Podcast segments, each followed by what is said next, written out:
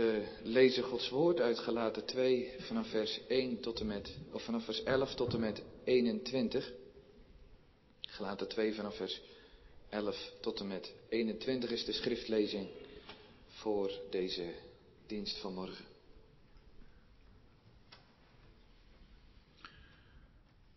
En toen Petrus de Antiochieën gekomen was, ging ik tegen hem in, in het aangezicht, omdat hij te bestraffen was. Want voordat sommige van Jacobus gekomen waren, had hij mede met de heidenen. Maar toen ze gekomen waren, ontrok hij zich en scheidde zichzelf af, vrezende degene die uit de Joden waren. En ook de andere Joden huichelden met hem, alzodat ook Barnabas mede afgetrokken werd door hun gehuichel.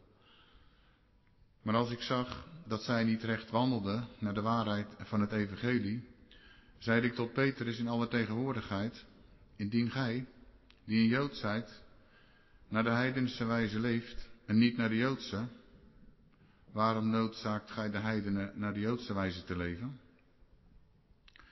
Wijze van nature Joden en niet zondaars uit de heidenen.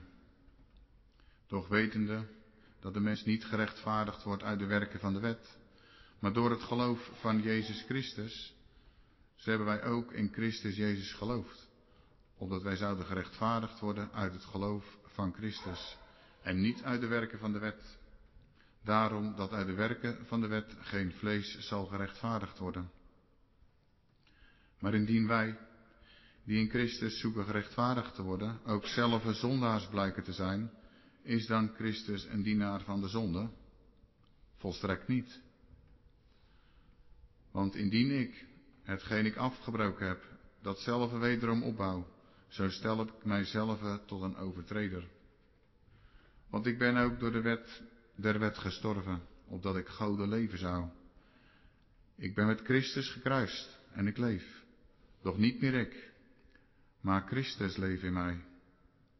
En indien ik hetgeen ik nu leef in het vlees, dat leef ik door het geloof des Zoons van God, die mij lief gehad heeft en zichzelf voor mij overgegeven heeft.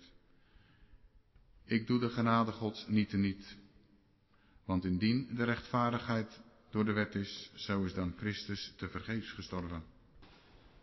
Nog een eh, enkele mededeling. We zingen na de dienst, als ik het straks ook niet nog een keer vergeet te zeggen, de, het de vaste burcht, zingen we na de zegen.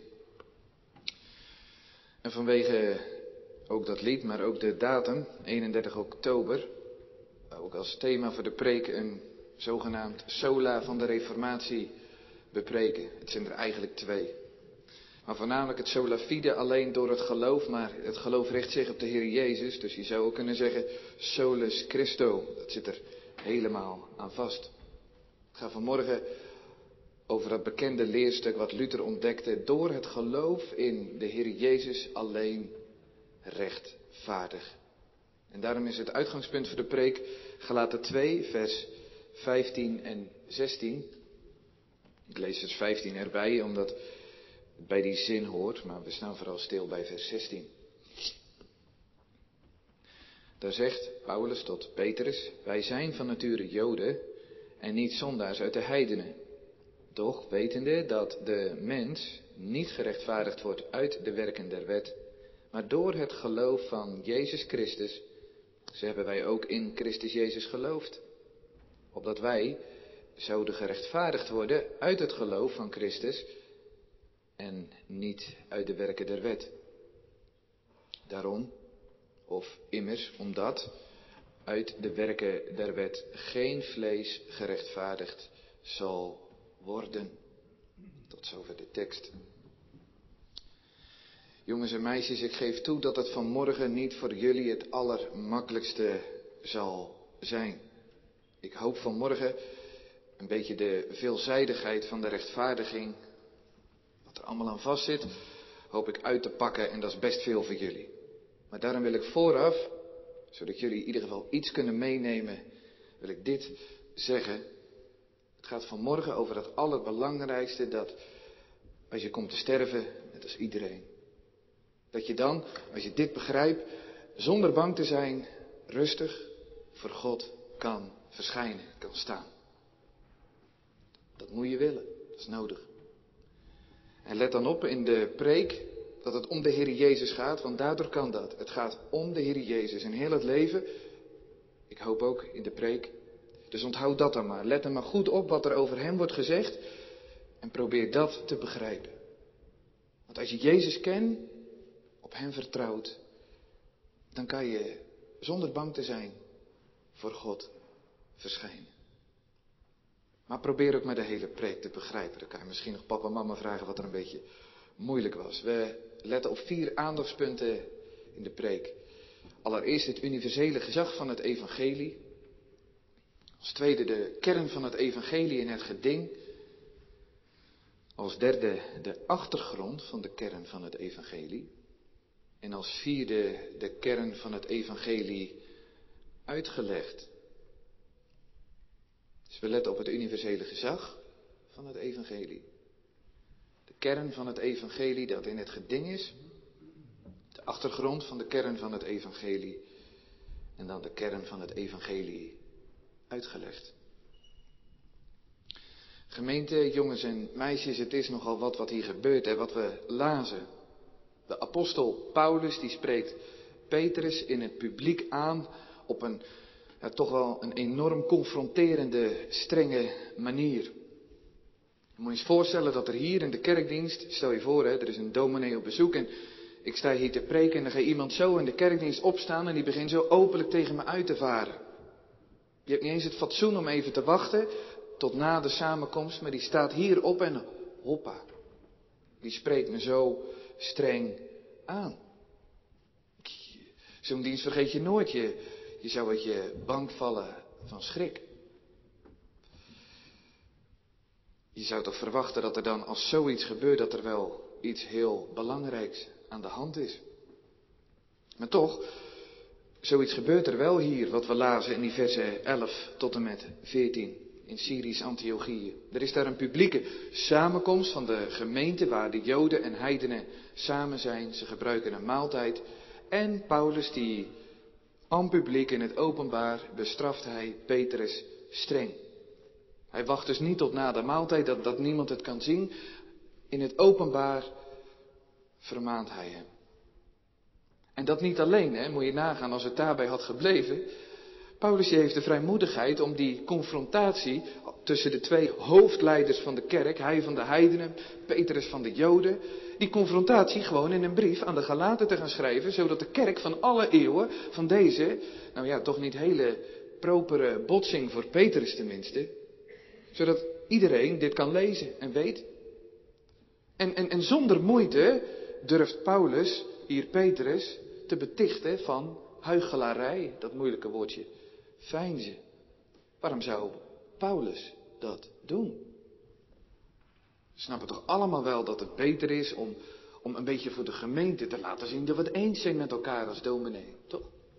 En, en, en daarbij, ja, je wilt toch ook voor de eenheid van de kerk een bepaalde onderlinge eenheid uitstralen.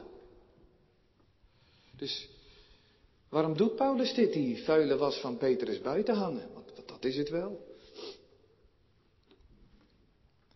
Paulus die wil hier op zijn minst twee dingen mee zeggen. En het eerste is ook direct het eerste punt. Paulus die wil laten zien aan de gelaten en aan ons dat zijn evangelie universeel gezag heeft.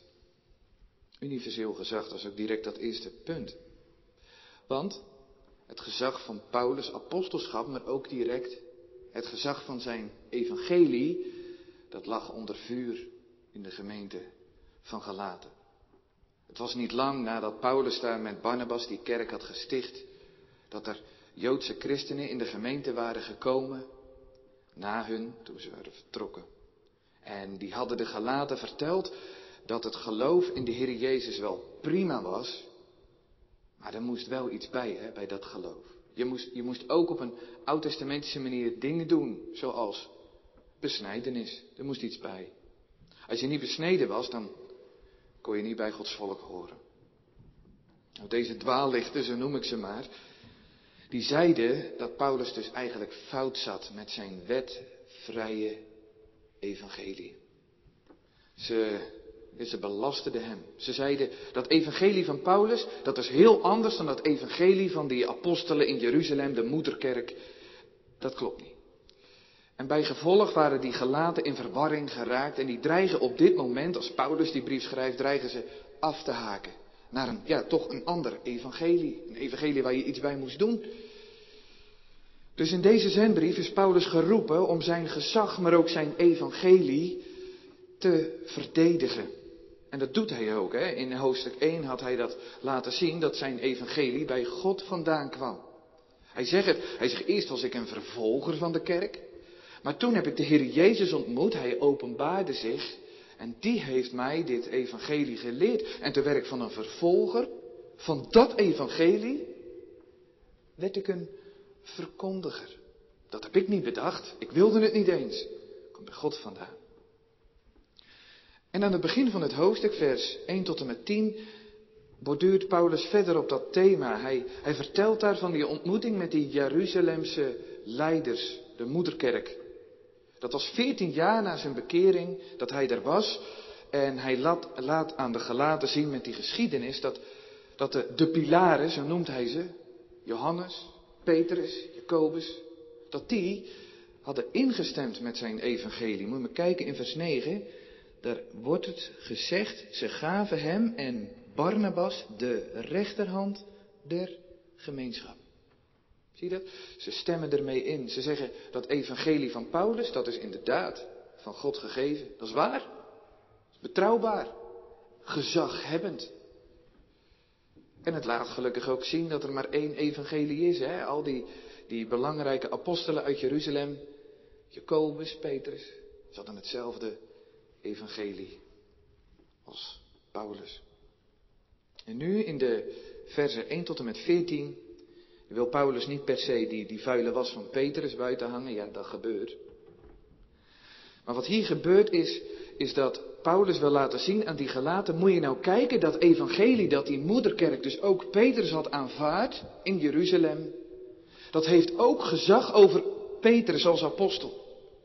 Het is zo onafhankelijk, het is zo gezaghebbend, dat dat, dat door mij geleerde evangelie aan jullie, ja, dat zelfs Petrus ernaar moet luisteren als hij ervan afwijkt. Met andere woorden, mijn evangelie heeft universele zeggingskracht, geldingskracht. Dus niet alleen voor jullie gelaten, en niet alleen voor Jeruzalem, en niet alleen Antiochië, waar dit gebeurt, waar Petrus is. Het is dus de norm eigenlijk voor de hele wereld. Dat is even belangrijk. Dat moeten we vanmorgen goed begrijpen. Dat, dat evangelie wat Paulus hier verdedigt in onze tekst, dat, dat rechtvaardig door het geloof in Christus alleen, dat is het centrum ervan, dat evangelie is dus bepalend voor ieder mens. We zullen straks zien wat het omvat, maar dit moet u begrijpen. Het heeft, het heeft alles te zeggen, of het is geen evangelie. Het heeft alles te zeggen in uw geloofsleven, of het is net zo goed als heidendom. Dan heeft het niks meer te maken met het christelijk geloof. Dus het komt bij God vandaan. Paulus had het uitgedeeld. Daarom is het waar. Daarom is het betrouwbaar. Geldig voor iedereen. Daarom moeten wij ons daar als kerk tot in de eeuwigheid toe aan houden. Totdat Jezus komt. Ook een hele mooie kant, hè, dat het gezaghebbend is voor iedereen. Wat dat betekent, als bij God vandaan komt, het is betrouwbaar, dan kan vanmorgen iedereen zijn hele ziel en zaligheid erop bouwen. Je kan er alles op wagen op dit evangelie. Want dit is het enige evangelie wat Paulus verdedigt. Dus het is een vaste grond om op te hopen, op te bouwen. Dat is ook groot. Dat hebben we nog steeds in onze kerk. Dus het eerste punt kunnen we nooit genoeg overschatten. Ik herhaal het nog een keer. Paulus' evangelieleer heeft universeel gezag voor de hele wereld, voor alle mensen en in bijzonder natuurlijk voor het hele christendom, voor de kerk. Daar houden wij ons aan. En dit is geen twijfelachtige overtuiging voor Paulus. De inzet van die brief had hij het gezegd. Die ontzaglijke woorden als, als wij, hè, de apostelen, of een engel uit de hemel, jullie een ander evangelie verkondigen, dan is die vervloekt. Want er is er maar één. Staat in vers 7, hij zegt het eigenlijk twee keer. Vervloekt, vers 8 en 9. Anathema. Dat betekent vernietiging. Achter die woorden schuilt het eindoordeel. De eeuwige ondergang. Dus er hangt ook heel wat van af. Dat ontzaglijke staat vanmorgen op het spel en stond in de reformatie op het spel. En staat ook op het spel in onze tekst van morgen als het gaat over het evangelie. Anathema. Dus Luther had echt gelijk, dit is het leerstuk waar de kerk mee staat of valt. Er was geen woord te veel. Het was nog zachtjes uitgedrukt. Want het gaat over eeuwig wel en eeuwig wee. Dat evangelie of anathema. Het gaat over de enige manier waarop we in een goede verhouding tot God kunnen komen. De enige manier. En daarom moeten we het begrijpen vanmorgen. Kinderen, jullie proberen ook. Daarom moeten we ook dit woord gezag, de baas laten spelen in ons geloofsleven, in ons denken. Over onze verhouding tot God. Willen we gered zijn? Gaan we naar het tweede punt. Want er is nog een bedoeling natuurlijk dat, dat Paulus dit verhaal aan de gelaten deelt. Want de kern van het evangelie is in het geding. Dat was ook zo in de gelaten. Dus Paulus gebruikt die geschiedenis met Petrus hem, die botsing, die gebruikt hij als aanleiding om zijn evangelie, de kern, uit te leggen vanaf vers 15 tot en met 21. Dan gaat hij nog verder verdiepen, maar dat is het hoogtepunt van de brief. Je kan het ook zien in vers 14. Dat is ook de reden waarom hij het vertelt. Hij zegt, kijk maar. Dat hij zag dat Petrus dus niet recht wandelde naar in overeenstemming met de waarheid van het evangelie. Die is in het geding. En die waarheid van het evangelie gaat Petrus daarom uitleggen aan de gelaten en aan ons. Want de gelaten die, die dreigen hier wel dezelfde fout te maken als Petrus. Nou, welke fout? Welke fundamentele grondwaarheid die, die was er dan in het geding hier? Dat, dat, dat die anathema dreigt, die, die boven heel die brief hangt. En boven iedereen hangt die dat evangelie loslaat. Dan moeten we even kijken naar de geschiedenis, vers 11 tot en met 14, om dat te zien. Ik zal het zo kort mogelijk proberen uiteen te zetten. Ik ga niet alle exegetische keuzes onderbouwen, want dan wordt het veel te veel. Dan moeten we er apart over preken. Maar de situatie zoals in ieder geval gemiddelde commentaren het voor zich zien. In vers 12, dat is het lastige aan heel dat verhaal, in vers 12 lijkt het erop dat er in ieder geval mensen uit de kring van Jacobus kwamen. Naar Paulus. In een soort van, je had een moederkerk in Jeruzalem en in Antiochië. Dat was de soort van de moederkerk van de heidenen. Jood en heidense kerk. En in het Grieks lijkt het erop dat die mannen van Jacobus komen met een boodschap. Het is een zinspeling. Dus die komen van Jacobus. En niet de hele moederkerk, Jacobus. Nou, wat was er gebeurd voordat die waren gearriveerd? Er waren Petrus en andere Joden, die waren gewoon om met heidenen te eten. En dan hielden ze zich niet aan de reinheidswetten, anders kon dat niet. En dan deden ze ook niet zo aan kosher eten. Dat is, um, nou ja, uh, dat speciale manier van, uh, van, van rein eten, dat je dingen onderscheidt. En ze hielden zich dus ook niet aan die uh, wetten voor rein te eten. Van, nou, ze aten dus varken en paling en dat soort dingen. Dat ging allemaal door elkaar. Deerde niet. Petrus wist dat ook, hè, vanuit dat doek uit de hemel. Geschiedenis met Cornelius. Neemt, slacht, eet Petrus. Drie keer. Hij wilde niet. Hij dacht, we moeten nog Mozes wetten gehoorzamen. Maar God zei, dat hoeft niet meer. Wat ik gereinigd heb, hoef je niet voor onheilig te houden. Dus, de, dus Petrus snapte dit. Wij kunnen gewoon prima zonder die wetten van Mozes te houden samen één zijn met de heidenen. Waarom? Het geloof bepaalt wie Gods volk is. Het geloof alleen. Hoefde je Mozes wetten niet voor te houden. Maar, maar goed, dat gaat hier niet gebeuren, want als je doorleest in vers 12, dan, dan gebeurt er iets, want die mannen van Jacobus komen met wat nieuws. En, en Petrus die stopt, hè. Stopt, die gaan niet meer met die heidenen eten, hij houdt ermee op. We zullen zien zo dadelijk nog meer. Dus hij gaat opeens wel die Mozes regeltjes houden. Reinheidswetten, voedselwetten. En wij weten dat is even belangrijk, van buitenbijbelse bronnen, dat er een enorme spanning gaande was in Jeruzalem en ook al verder tussen, ja, ik noem het even ongelovige Joden, Joden die de Heer Jezus niet hadden aangenomen, en christenjoden die dat wel hadden gedaan. Want je, die christenjoden die namen inderdaad Mozes niet serieus en het konden die, die ongelovige Joden niet harden. Dus er kwam, er kwam eigenlijk al vervolging in Jeruzalem, van die ene Joden naar die andere Joden. En het is hoogstwaarschijnlijk zo dat Petrus daarvan had gehoord.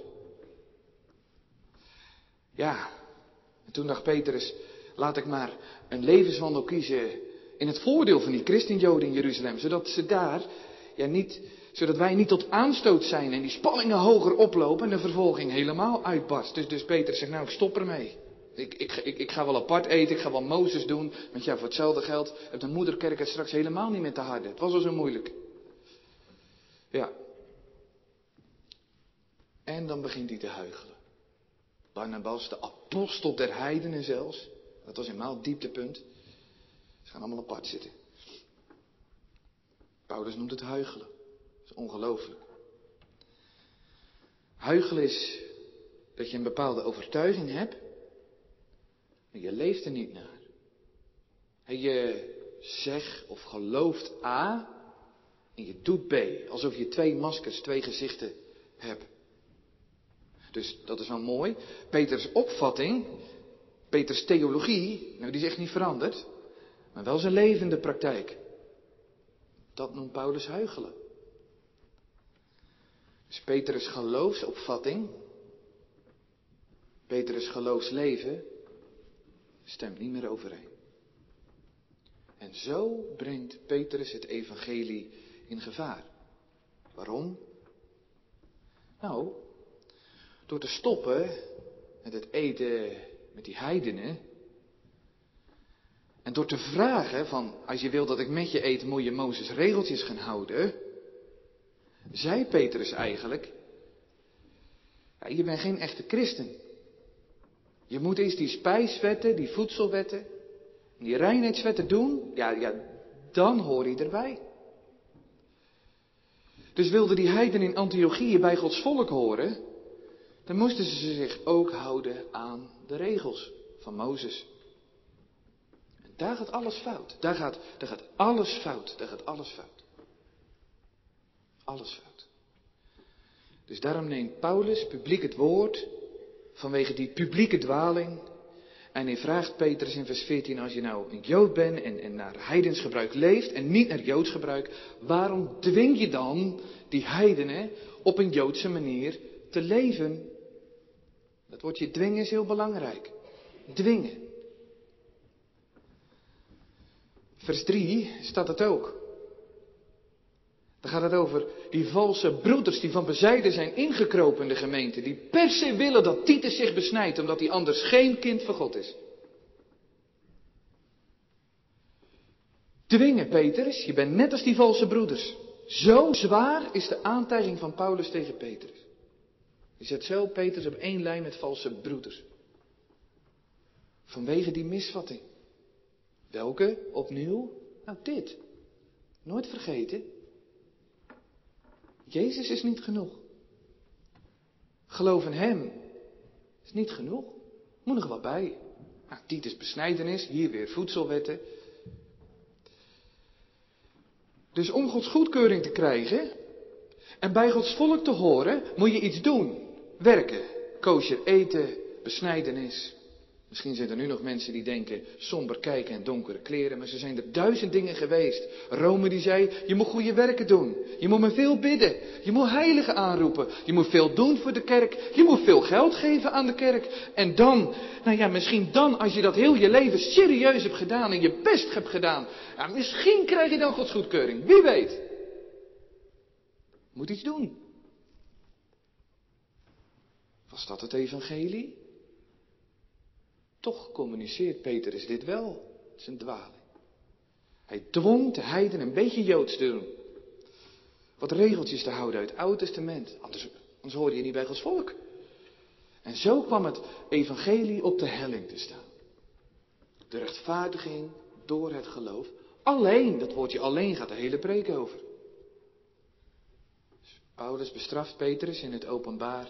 En dan in de verse 14 tot en met 21 gaat hij uitleggen wat het evangelie wel is. Gaan we naar kijken in ons derde punt, die achtergrond van het evangelie. Die achtergrond.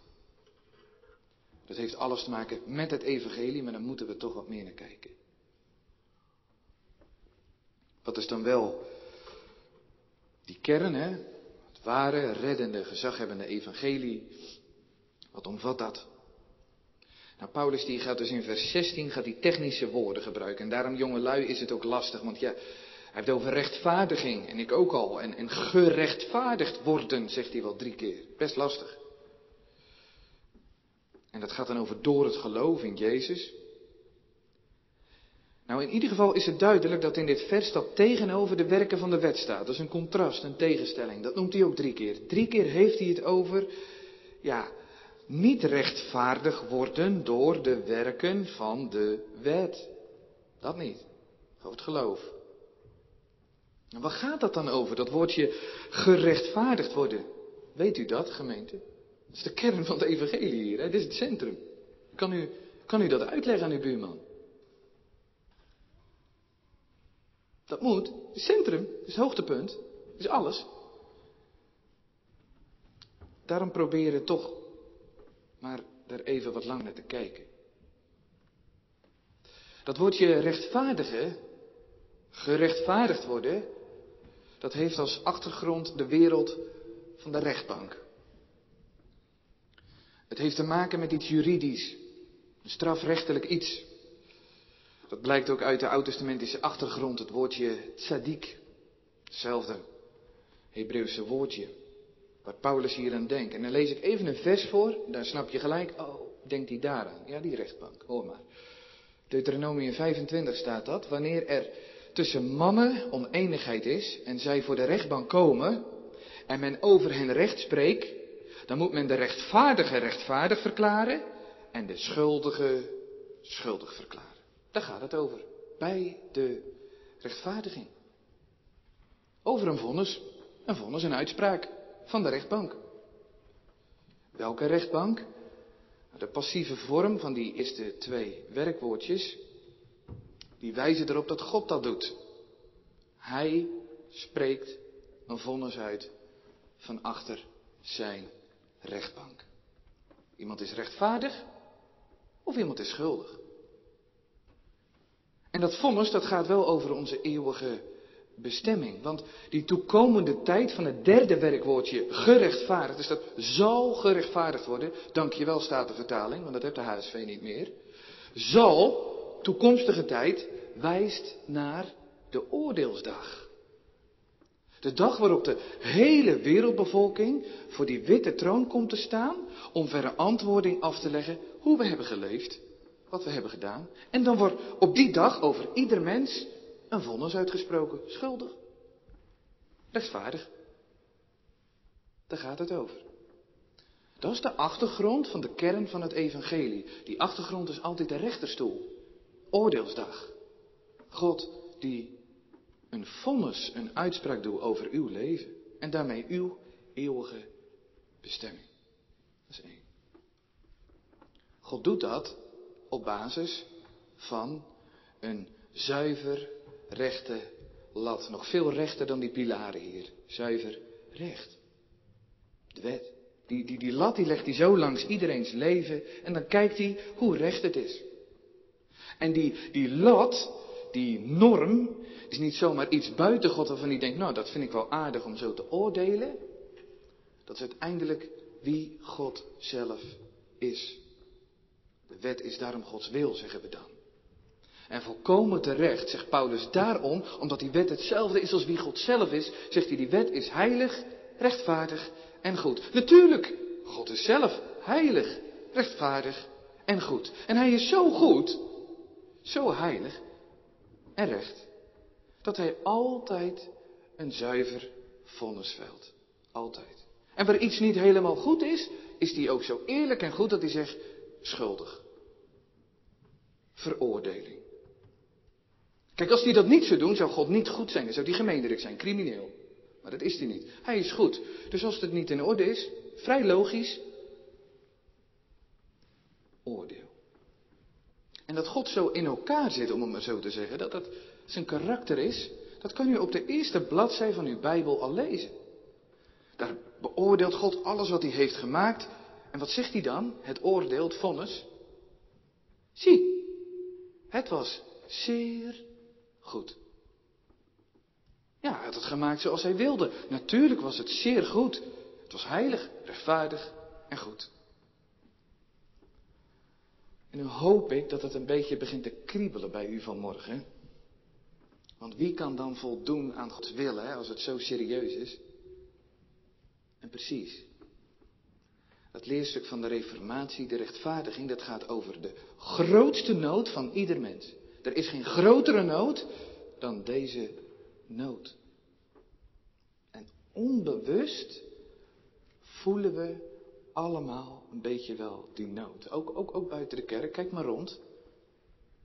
Iedereen zoekt goedkeuring, dat willen we graag. Die, die goedkeuring, die, goedkeuring van je ouders, van je vrienden, van je buren, collega's, gemeenteleden. Daarom doen we allemaal ons best, hè? Zetten we altijd het beste beentje voor, laten we ons van de beste kant zien. Willen niet afgekeurd worden. En dan lopen we mee met de heersende mening, zijn we druk om onze status, identiteit, imago, reputatie. Willen niet afgekeurd worden. Dat, dat jeukende plekje waarom heel de wereld zich druk maakt om maar goedgekeurd te worden, daar gaat de rechtvaardiging ook over. Goedkeuring, niet schuldig willen zijn.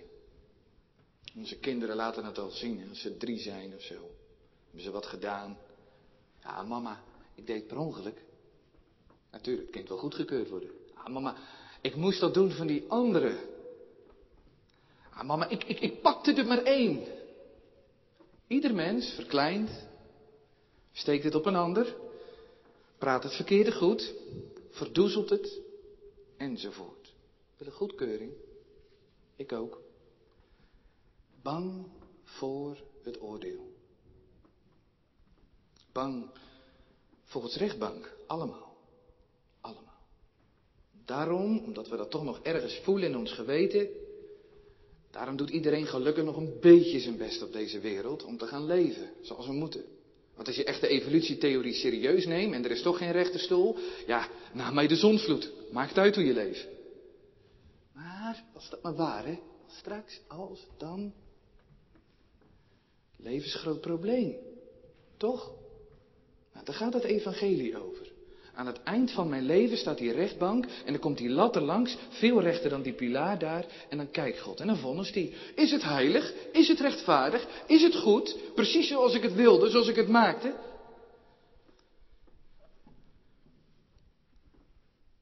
En dan het laatste zinnetje uit vers 16, hè?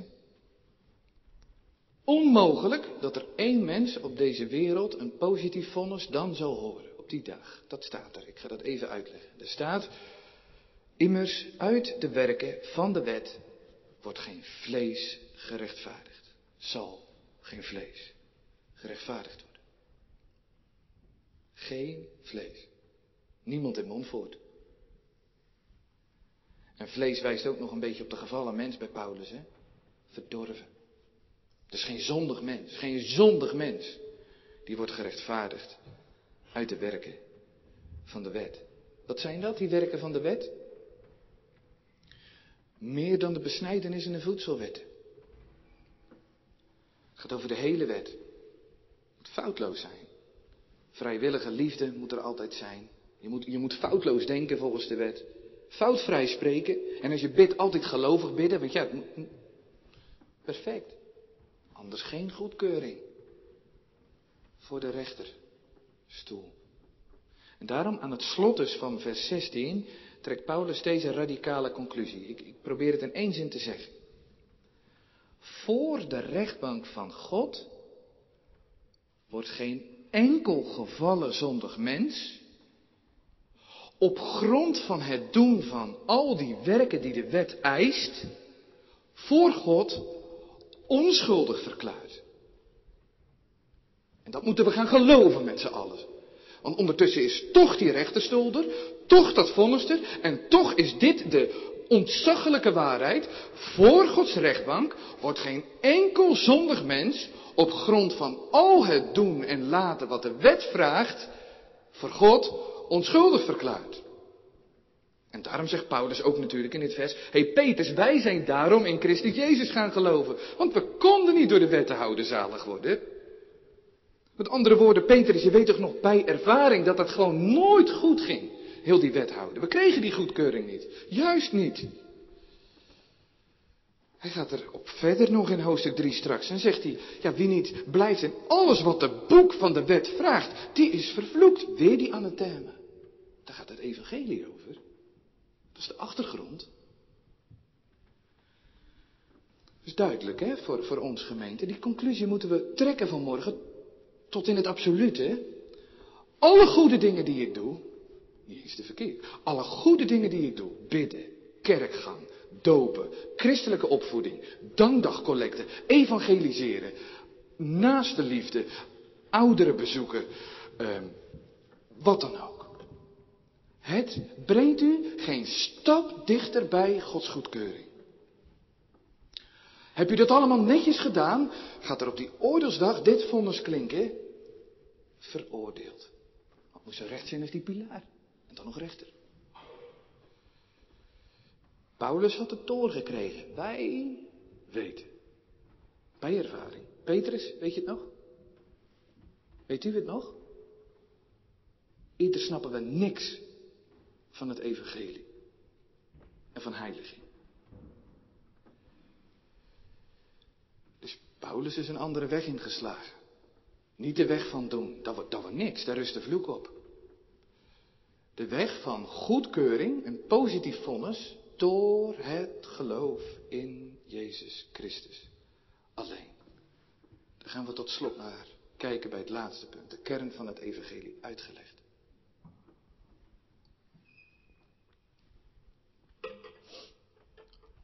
De antwoord op de vraag hoe het dus afloopt voor Gods rechterstoel straks als we daar staan met z'n allen, is dus alleen het geloof in de Heer Jezus Christus.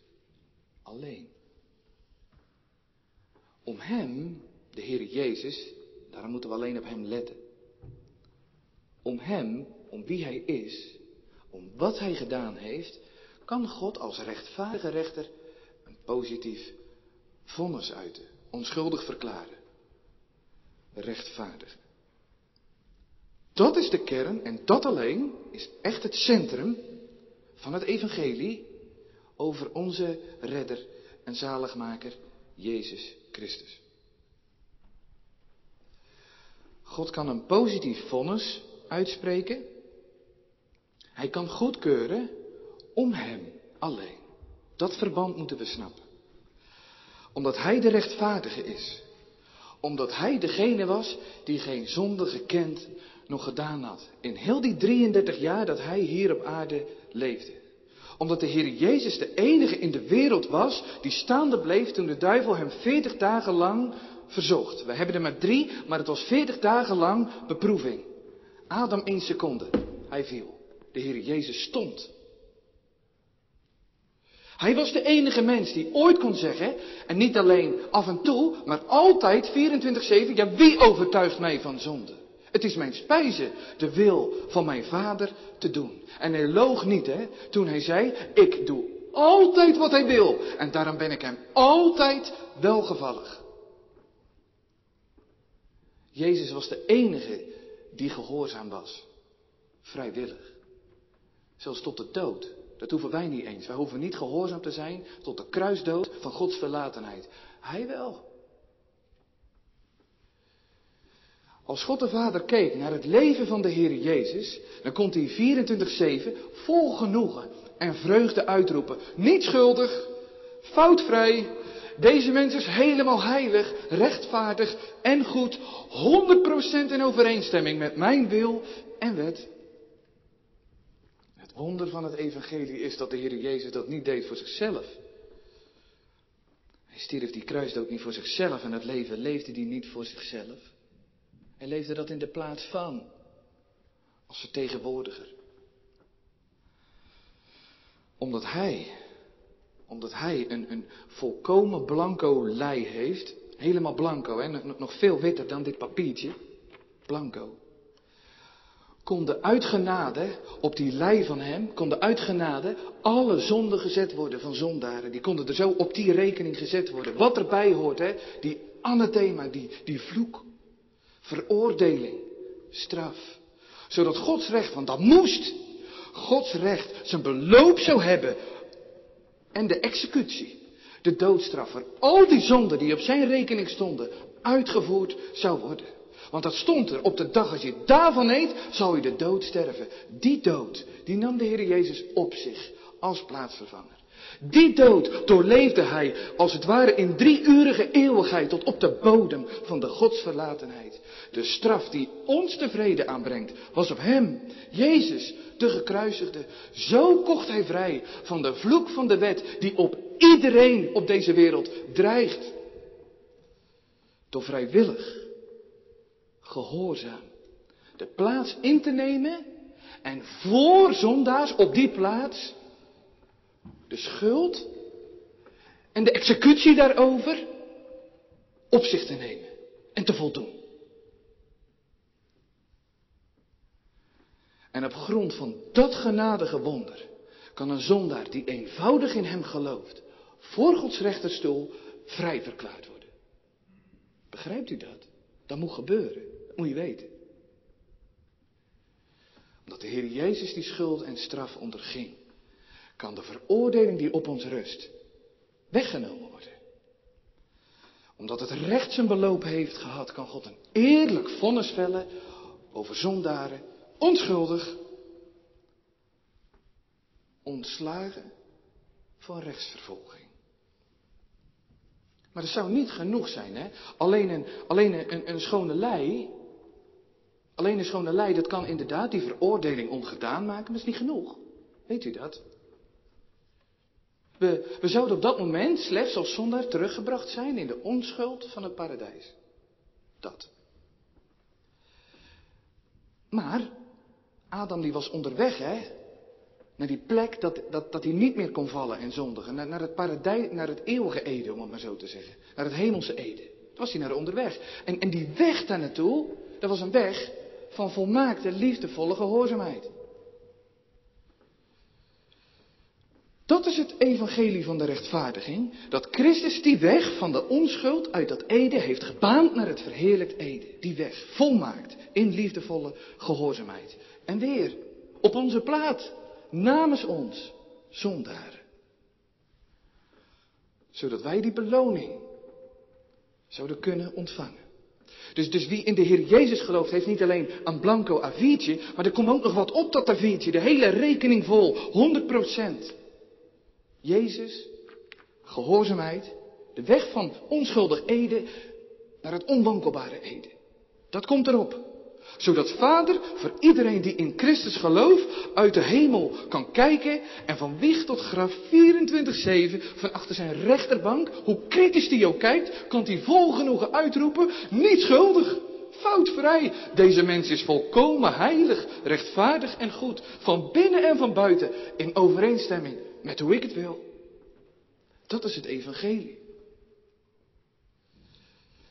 Wie in de Heer Jezus gelooft, heeft dat oordeel van de oordeeldag op zak. Helemaal rechtvaardig. Net zo rechtvaardig als de Heer Jezus was en is en blijft. Met zijn foutvrije leven.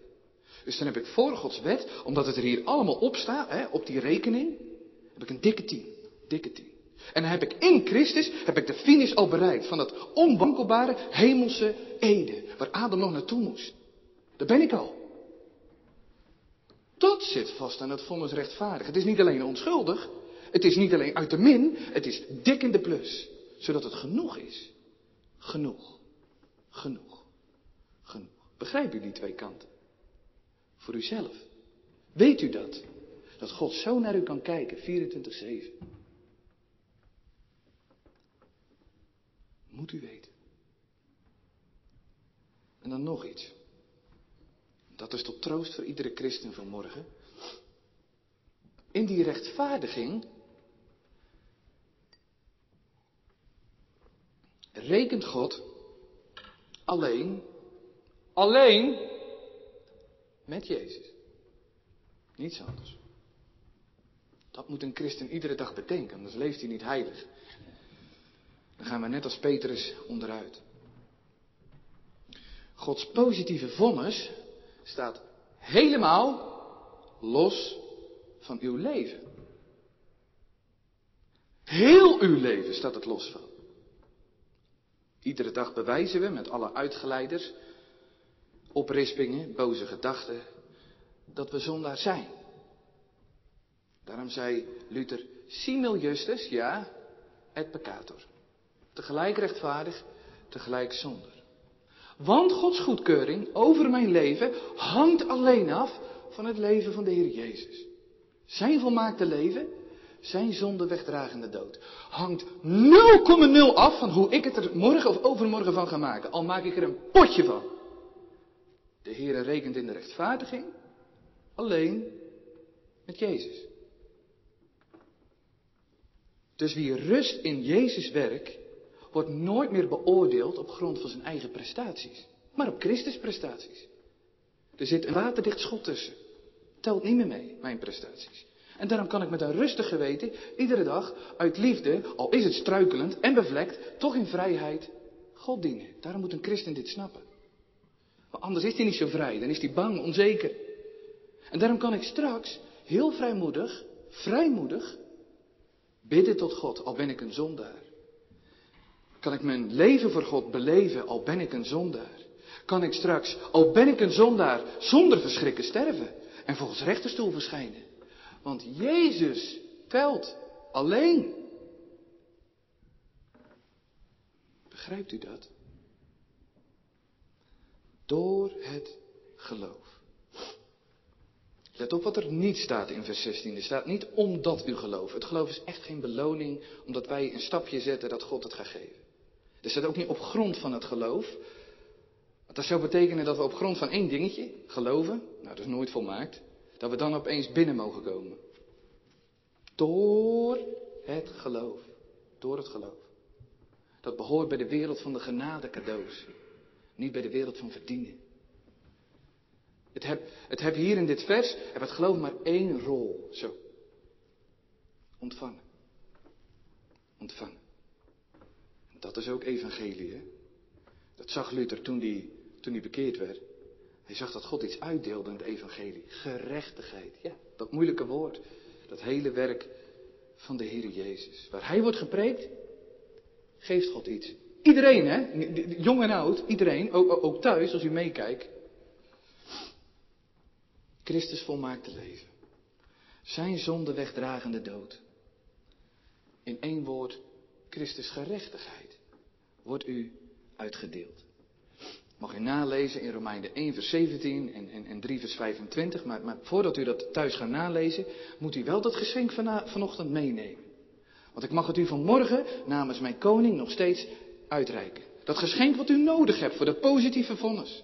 Ik mag het uitdelen. Christus blinkende gerechtigheid. Ontvang het maar. Ik mag het iedereen aanbieden, zodat u rustig voor die rechterstoel straks kan verschijnen. In vrede. Zodat u morgen rustig op grond daarvan, zonder een angstig geweten, heilig voor God kan leven. Ik mag het u uitdelen. Zodat u nooit meer hoeft te vrezen voor die rechterstoel. Want wie dit geschenk ontvangt, die mag het weten. Die rechtertoga, die gaat voor eeuwig uit. Er komt die lieve vader, die liefdevolle vader komt tevoorschijn. Wie dit geschenk aanneemt. En als u het verwerpt, blijft die strenge toga aan. Daarom, ontvang Christus gerechtigheid van morgen. Vader wil het ook. Hij stuurde daarom zijn zoon om dat werk te werken, die gerechtigheid aan het licht te brengen. Want hij had gedachten van vrede. Want hij heeft geen lust in de dood van de goddelozen. Daarom roep ik het u toe. Wilt u gerechtigheid? Wilt u, wilt u die schitterende schone lei, waar een schitterend bedrag op staat, dat er altijd een positief vonnis over uw leven zou klinken, 24-7, rechtvaardig, wil u het hebben, ontvang het vanmorgen, neem het maar aan. Christus liefdevolle gehoorzaamheid, wordt u aangereikt. Toon uw bevlekte zondige hand maar. God zegt, ik zal hem vervullen. Wie instemt met het aanbod als een nietshebbende zondaar, om eenvoudig op grond van Christus recht voor God te staan, die zal het hebben vanmorgen. Zo waar God spreekt. Alleen door dat geloof gaat er iemand rechtvaardig de kerk uit. Dat rust op Jezus alleen. Het houdt op met werken. Het houdt op met zelf redden. Het houdt op met zelfvertrouwen. Het rust in die aangeboden grond om op te rusten. Christus volbrachte werk. Dat in de prediking, waar het evangelie klinkt, wereldwijd, iedereen onder de banken wordt geschoven. U mag blijven zitten. Ga er maar op zitten. En wie eenvoudig ontvangt rust in Christus werk, die wordt het vanmorgen verkondigd, mag ik namens God het bevel, wat straks op die oordeelsdag zal klinken, van achter die hemelse rechtbank, mag ik het nu al uitspreken, zodat u het door het geloof weet. U bent niet schuldig. Al uw zonden zijn weggewist. U bent zo rechtvaardig als Jezus zelf. Het zal u straks klinken. Ik vind geen schuld in deze mens. Goede en getrouwe dienstknecht. Over weinig ben u getrouw geweest. Over veel zal ik u zetten. Kom er binnen in de vreugde van uw Heere. Dat is het vonnis. Amen.